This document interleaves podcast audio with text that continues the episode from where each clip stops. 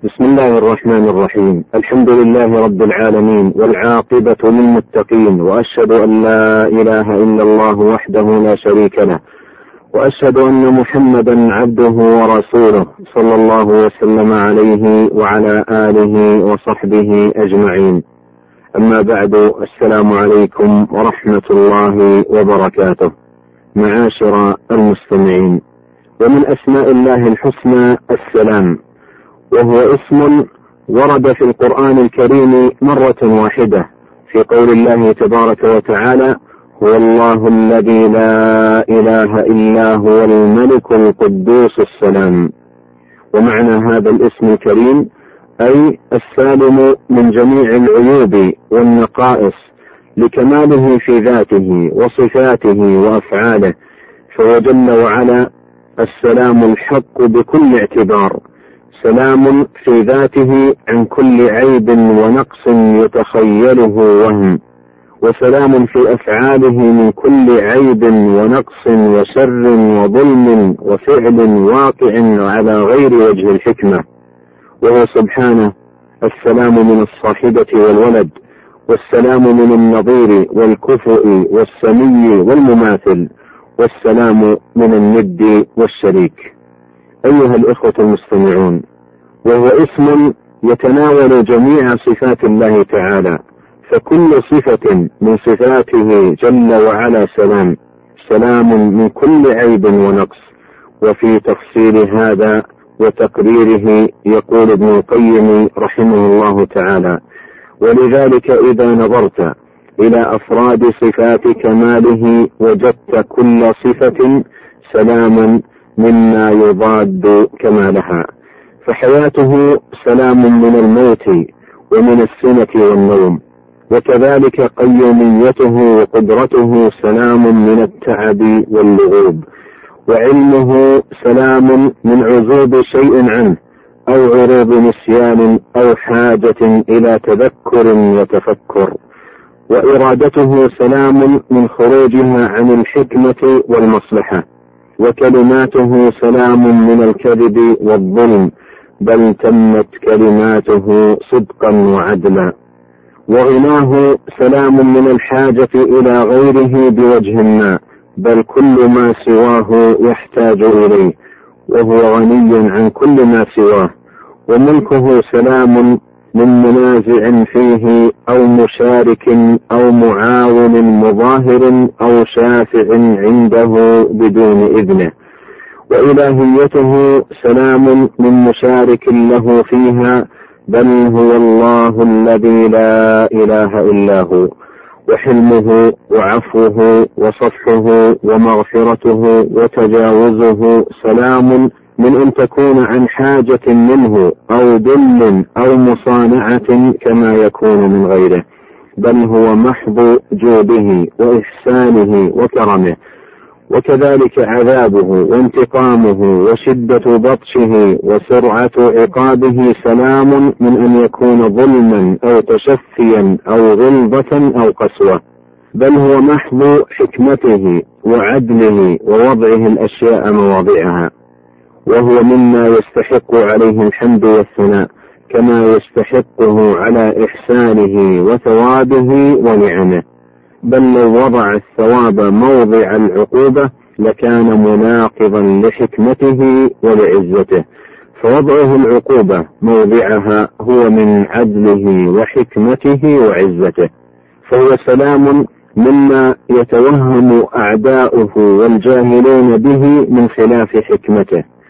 وقضاؤه وقدره سلام من العبث والجور والظلم ومن توهم وقوعه على خلاف الحكمة البالغة وشرعه ودينه سلام من التناقض والاختلاف والاضطراب وخلاف مصلحة العباد ورحمتهم والإحسان إليهم وخلاف حكمته. بل شرعه كله حكمة ورحمة ومصلحة وعدل. وكذلك عطاؤه سلام من كونه معاوضة أو لحاجة إلى المعطى ومنعه سلام من البخل وخوف الإملاق. بل عطاؤه إحسان محض لا لمعاوضة ولا لحاجة ومنعه عدل محض وحكمة لا يشوبه بخل ولا عجز.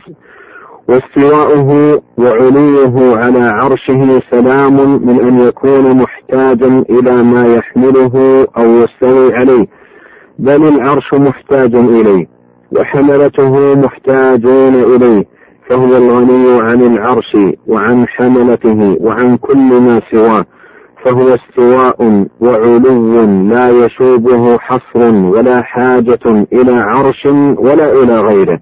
ولا إحاطة شيء به سبحانه وتعالى بل كان سبحانه ولا عرش ولم يكن به حاجة إليه وهو الغني الحميد بل استواؤه على عرشه واستيلاؤه على خلقه من موجبات ملكه وقهره من غير حاجة إلى عرش ولا غيره بوجه ما. ونزوله كل ليلة إلى سماء الدنيا سلام مما يضاد علوه وسلام مما يضاد غناه وكماله وسلام من كل ما يتوهم معطل ومشبه وسلام من أن يصير تحت شيء أو محصورا في شيء تعالى الله ربنا عن كل ما يضاد كماله وغناه. تعالى الله ربنا عن كل ما يضاد كماله وغناه. وسمعه وبصره سلام من كل ما يتخيله مشبه أو يتقوله معطل. وموالاته لأوليائه سلام من أن تكون عن ذل كما يوالي المخلوق المخلوق. بل هي موالاة رحمة وخير وإحسان وبر.